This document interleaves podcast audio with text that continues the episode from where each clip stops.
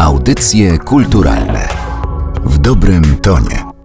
Przy mikrofonie Aleksandra Galant rozpoczynamy kolejne spotkanie w audycjach kulturalnych, dziś poświęcone jednej z najważniejszych postaci polskiej krytyki teatralnej, ale myślę, że teatru w ogóle, osoby, która była bardzo ważna dla wszystkich, którzy mieli okazję z nią współpracować, ale też dla tych, którzy z jej opracowań, badań, notatek i książek mogli się później uczyć. Była też bardzo ważna dla aktorów i reżyserów, nie zawsze wyrażając opinie, na jakie czekali. Mowa o Marcie Fik, której poświęcona jest wystawa w Instytucie Teatralnym, wystawa pod tytułem Nasi nauczyciele Marta Fik i współkuratorka tej wystawy, pani Joanna Biernacka-Płoska, przyjęła zaproszenie i jest gościem dzisiejszego spotkania. Dzień dobry Państwu bardzo. Zacznijmy może od tego, dlaczego ta wystawa akurat w tym momencie, w tym czasie pojawiła się w Instytucie Teatralnym. Mamy taki cykl Nasi nauczyciele, e, w którym staramy się co jakiś czas prezentować dorobek właśnie na wystawach, dorobek osób ważnych dla nas, dla nas, czyli dla Instytutu Teatralnego, czyli dla środowiska teatralnego, mówiąc szerzej. A ta data majowa, 9 maja, była datą stosunkowo prostą do wyboru. Marta Fik się urodziła 9 maja 1937 roku, więc to była 85. okrągła rocznica urodzin. To nam narzuciło takie ramy czasowe, że właśnie w maju będziemy prezentować e, wystawę poświęconą Marcie, prezentującą jej dorobek, opowiadającą o niej jako człowieku, o niej jako kobiecie, o niej jako badawczyni, naukowczyni, krytyczce. To jest w tej wystawie bardzo ujmujące i wydaje mi się bardzo przykuwające uwagę, mianowicie to, że panie nie skupiły się tylko i wyłącznie na jej dorobku naukowym i takim dorobku twórczym, ale także na tym, jaką była osobą, jak wspominają ją ludzie, bo też właśnie na tych wspomnieniach z mojej perspektywy ta wystawa się opiera. Tak, i to też był taki zamysł celowy. Jak Państwo przyjdą obejrzeć tą wystawę, to zobaczą, że ta przestrzeń, która jest poświęcona na galerię w Instytucie Teatralnym jest stosunkowo mała. I ona tak naprawdę wymusza pewne rozwiązania. Znaczy trzeba podjąć bardzo radykalne, drastyczne decyzje, co możemy pokazać, a czego nie w stosunkowo małej przestrzeni. Jak planowaliśmy tę wystawę w zeszłym roku, to mieliśmy też z tyłu głowy taki niepokój, a co jeżeli będzie nadal pandemia, a co jeżeli nadal będą ograniczenia i nie będzie można na przykład wpuścić dużej ilości osób.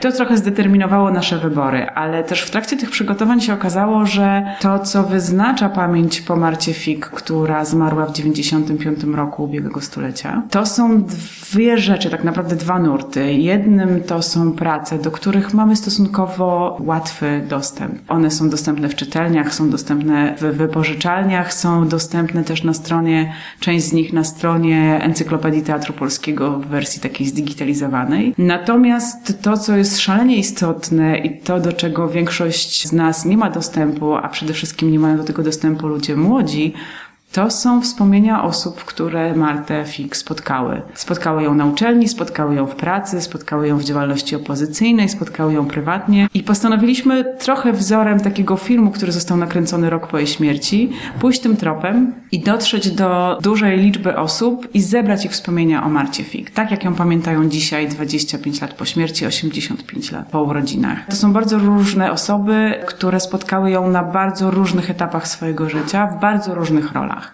Mamy świadomość tego, że tej wystawy się nie da zobaczyć na raz. To jest po prostu niemożliwe, tych nagrań jest za dużo, ale też trochę był taki nasz zamiar, żeby trochę wymusić na uczestniku, na osobie, która chce uczestniczyć w życiu kulturalnym, żeby musiała przyjść do nas więcej niż raz. Można sobie wybrać przypadkowo te osoby, można sobie po prostu odhaczyć kolejne monitory i kolejnych rozmówców. Ten portret, nie chciałabym za dużo Państwu opowiadać, ale rzeczywiście on się mieni wieloma barwami. Mieni się wieloma barwami, wieloma odcieniami. Natomiast to, co jest bardzo charakterystyczne, to on tworzy taką postać osoby, którą chyba znaczy Marta Fik pewnie by się na to nie zgodziła i ona też była bardzo przeciwna budowaniu sobie i komukolwiek pomników. Ale ta wystawa, a zwłaszcza wypowiedzi osób, które zgodziły się podzielić z nami swoimi wspomnieniami o Marcie, ona buduje taki portret osoby, która można powiedzieć, nie obając się dużych słów, jest autorytetem dla środowiska. To znaczy takim autorytetem w kwestiach profesjonalnych, tego jak pisać o teatrze, jak ten teatr oceniać, ale też takim autorytetem moralnym, to znaczy co robić w trudnych sytuacjach, co robić w sytuacjach, w których trzeba dokonywać niełatwych wyborów, w których są oczekiwania, ale są też koterie, są też układy. I to bardzo wyraźnie w tych wspomnieniach przebija, że to była taka no, dosyć krystaliczna postać w bardzo niekrystalicznych czasach. Na potwierdzenie tych słów ja mogę tylko przywołać nagraną wypowiedź, którą można obejrzeć na wystawie, wypowiedź Jacka Siereckiego, teatrologa, który mówił, że ten moment, kiedy ją poznał, przypadł na wybuch rozpoczęcia stanu wojennego i że właśnie ona wtedy była takim przewodnikiem, takim autorytetem po tym czasie i właściwie, że przez cały czas ich znajomości to była wielka nauka, wielka lekcja odpowiedzialności, bo ona uczyła odpowiedzialności i za krytykę, i za słowa, których się używa, ale też odpowiedzialności w całym życiu. A rzeczywiście spotkał się z nią w momencie, kiedy został po studiach, pracował na uczelni.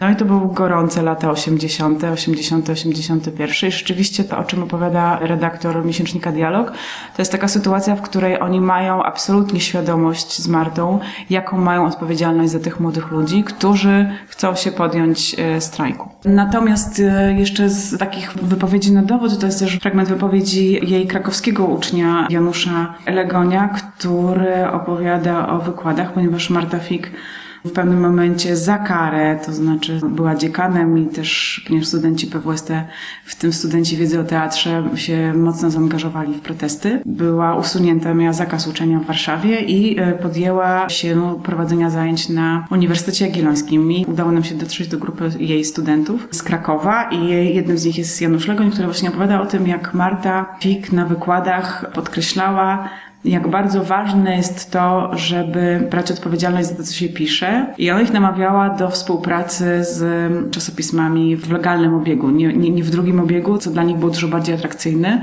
bo oprócz takiej partyzantki i opozycyjności miało w sobie taki nim walczenia z systemem, a ona ich namawiała do tego, żeby publikowali pod swoim nazwiskiem w systemowych czasopismach z jednego prostego powodu. To znaczy w momencie, kiedy pisze się pod pseudonimem albo się nie podpisuje swoich prac, to nie ma się takiej odpowiedzialności za to, co się pisze. A jak się już podpisuje swoim nazwiskiem, to jest to dużo większy ciężar tego, co ma się do powiedzenia i bardziej się waży słowa. I no, Janusz Nagoń podkreśla, że dla niego to była taka nauka na całe życie. To znaczy, że jak się coś podpisuje swoim nazwiskiem, to rzeczywiście się bierze za to odpowiedzialność. Ale takich przykładów mniejszych i większych, jeśli chodzi o Martę Fik, jest e, bardzo dużo i rzeczywiście nie jestem psychologiem i nie jestem socjologiem, ale myślę, że jakby ktoś chciał poczynić takie obserwacje, to rzeczywiście z tych wypowiedzi tych e, różnych osób e, wynika, że ona odcisnęła bardzo silne piętno nie tylko na ich wyborach zawodowych, ale też w ogóle na tym, jakimi są ludźmi, jakich dokonują wyborów w życiu na co dzień. Z wystawy dowiadujemy się też, że Marta Fik była osobą bardzo ciepłą i empatyczną, która interesowała się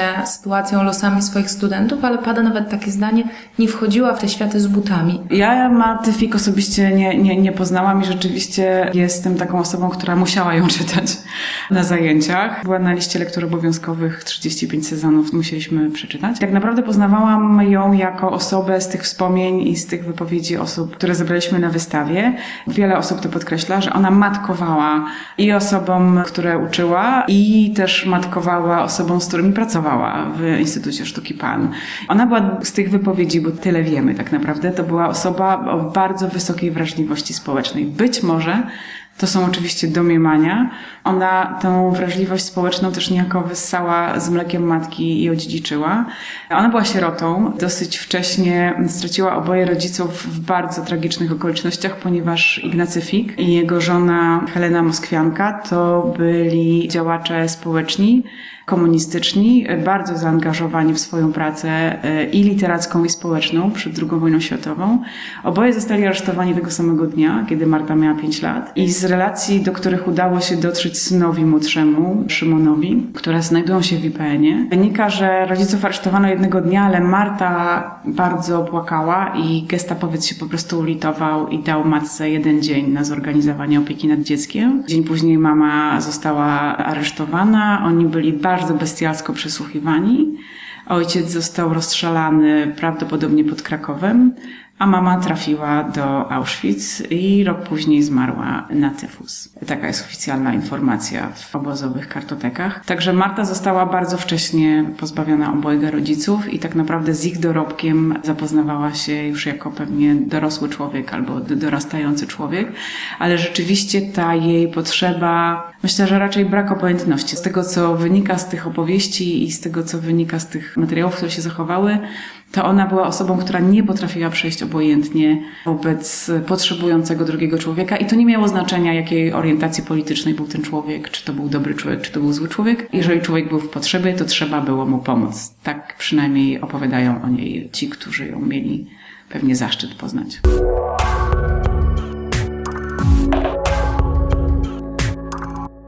Przejdźmy zatem do pracy Marty Fik i jej działalności zawodowej.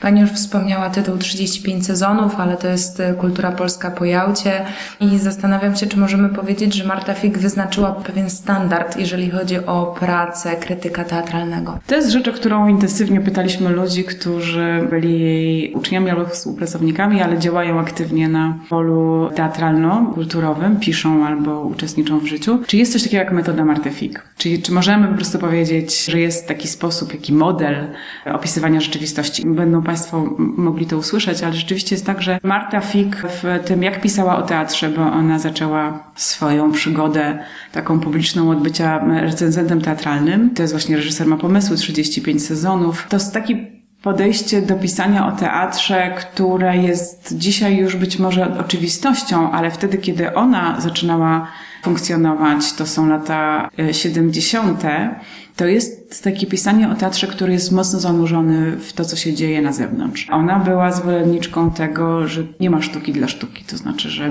teatr jest narzędziem opowiadania o tym, co się dzieje, jest narzędziem społecznym i jest mocno w politykę, w relacje społeczne, w to, co na zewnątrz zanurzony, a jeśli nie, to znaczy, że nie jest dobrym teatrem. Większość jej recenzji dzisiaj, jak się czyta, to są takie recenzje, gdzie naprawdę duży podziw budzi jej aparat poznawczy, to znaczy, jak bardzo ona była zorientowana w tym, co się dzieje, jak bardzo była świadoma wielu rzeczy i też widać, że ona nie ograniczała się do oglądania spektakli jednego nurtu. Można sobie odpowiedzieć na pytanie, które spektakle i których reżyserów lubiła bardziej.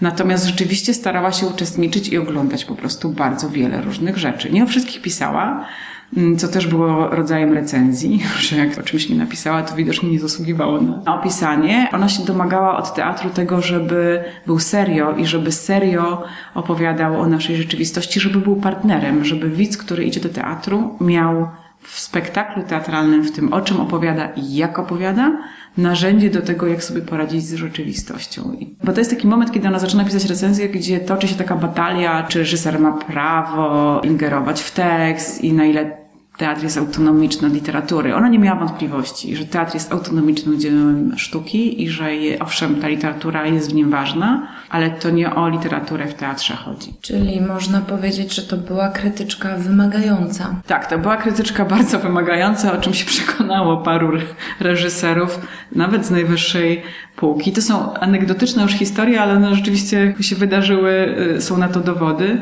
Najbardziej obrywał od Marty Fik e, Adam Hanuszkiewicz. Marta Fik bywa gdzie niegdzie nazywana postrachem Hanuszkiewicza. Ona go wyjątkowo nie cierpiała i też to się kończyło tym, że on jej zakazywał wstępu do Teatru Narodowego. Natomiast wydaje się, to jest oczywiście do prześledzenia, ale wydaje się, że to mówi zresztą w jednej z wypowiedzi Małgorzata Piekutowa, że ona po prostu nie znosiła Hanuszkiewicza za jedną rzecz. Za to, że jest tak zdolny i tak że tak powiem, banalny w tym, co robi. To znaczy, że on odwraca uwagę od e, ciężaru problemu przez te fajerwerki, które stosuje. Że nie da się mówić poważnie o sprawach w momencie, kiedy wchodzą gadżety na scenę. I ona miała mu za złe chyba, że będąc rzeczywiście takim bardzo zdolnym reżyserem, ona mu tego nie odmawiała. Idzie na taką łatwiznę, że idzie trochę pod publiczkę i że ona miała świadomość wtedy, że być może to wyrządzi krzywdę kolejnym pokoleniom, że i widzowie będą chcieli takiego i takiej zabawy i takich fajerwerków, ale też kolejne młodsze pokolenia reżyserów będą uważały, że w ten sposób można robić teatr. I ona była przeciwna takiemu kuglarstwu trochę, takiej łatwiźnie i takiemu łatwemu uleganiu gustom publiczności. Rzeczywiście ona uważała, że trzeba tą publiczność wzywać do poważnej rozmowy, a nie do chichów, śmichów i świetnej zabawy. Ja akurat tej e, wypowiedzi Małgorzaty Piekutowej miałam możliwość wysłuchać. Zwróciłam uwagę na określenie, którego ona użyła, że Marta Fik twierdziła, że teatr Hanuszkiewicza jest po prostu głupi. To jest pewnie trafna diagnoza. Marta Fik miała na bakier i z Andrzejem Wajdą, który po jednej z recenzji e, autorstwa Marty Fik e, powiedział o niej, że ona ma oko z guzika, po prostu nic nie widzi, nic nie rozumie. Nie przepadał za jej pisaniem Jerzy Grzegorzewski.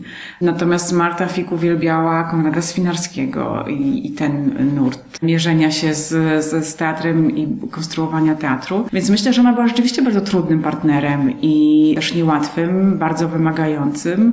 Być może nie każdy miał na to ochotę, czas e, i chęci. Natomiast rzeczywiście jest tak, że warto Martę Fik czytać. Czytać różne rzeczy, o których ona pisze i brać z tego dzisiaj tyle, ile się da. Ona na pewno nie szła na łatwiznę. Nie zależało jej na tym, żeby środowisko ją lubiło. Zależało jej na tym, żeby środowisko ją czytało. Mówimy o tym, że była to krytyczka wymagająca, była to krytyczka, której opinie były czasem tak bolesne, że zamykano przed nią drzwi teatru, że w jakieś dyskusje publicznie wchodzili z, z nią najbardziej znani reżyserzy. I zastanawiam się, ile z Marty Fik dzisiaj ma krytyka teatralna? Czy takie sytuacje nadal są możliwe i czy można powiedzieć, że krytyka teatralna nadal elektryzuje środowisko, nie tylko teatralne? Myślę, że tu niestety się to zmieniło i trochę się zmieniła i rola, i pozycja krytyki teatralnej. To znaczy, nie mamy już papierowych mediów. Mamy je, ale nie ma w nich miejsca na krytykę teatralną.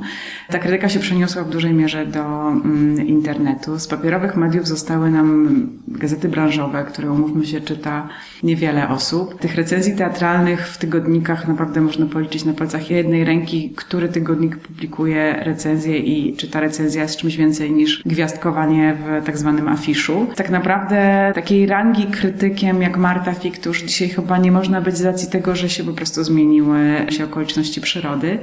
Natomiast wydaje mi się, że to, co jest w tej krytyce dzisiaj wśród tych piszących, i to jest rzecz, która też się wydarzyła trochę niejako w związku z rozwojem cywilizacji, a mianowicie, że już nikt nie podważa tego, że teatr jest autonomiczny. Nikt nie podważa tego, że teatr nie jest zaangażowany albo że powinien być zaangażowany społecznie. Znaczy, to już jest oczywistość. To znaczy, to już się rzeczywiście wydarzyło tak, że, że się nie da opowiadać o spektaklu tylko po prostu w kontekście tego, jak on się odnosi do pierwowzoru literackiego. Już nikt sobie tym nie zaprząta głowy. I to się w międzyczasie wydarzyło. Ale też jest jeszcze jedna rzecz, bo Marta Fik w momencie przestała pisać o teatrze, przestała uprawiać czynnie taką krytykę e, bieżącą. Zajęła się dużo bardziej obserwowaniem takich procesów kulturowych i społecznych i, i Kultura Polska po Jałcie i kolejne książki, zwłaszcza wydane pośmiertnie Autorytecie Wróć, to są już takie zbiory esejów, powiedziałabym, ogólnokulturowych, takich obserwujących po prostu procesy, któremu poddawane jest społeczeństwo, jednostki w tym społeczeństwie. I ona też miała i takie możliwości, i takie wykształcenie, i taki aparat badawczy, żeby się tym zająć. Znaczy, ona naprawdę była kimś więcej niż krytykiem teatralnym. O Marcie Fik opowiadała Joanna Biernacka-Płoska, współkuratorka wystawy Nasi Nauczyciele Marta Fik. Bardzo dziękuję za rozmowę. Dziękuję bardzo i zapraszam. Audycje kulturalne w dobrym tonie.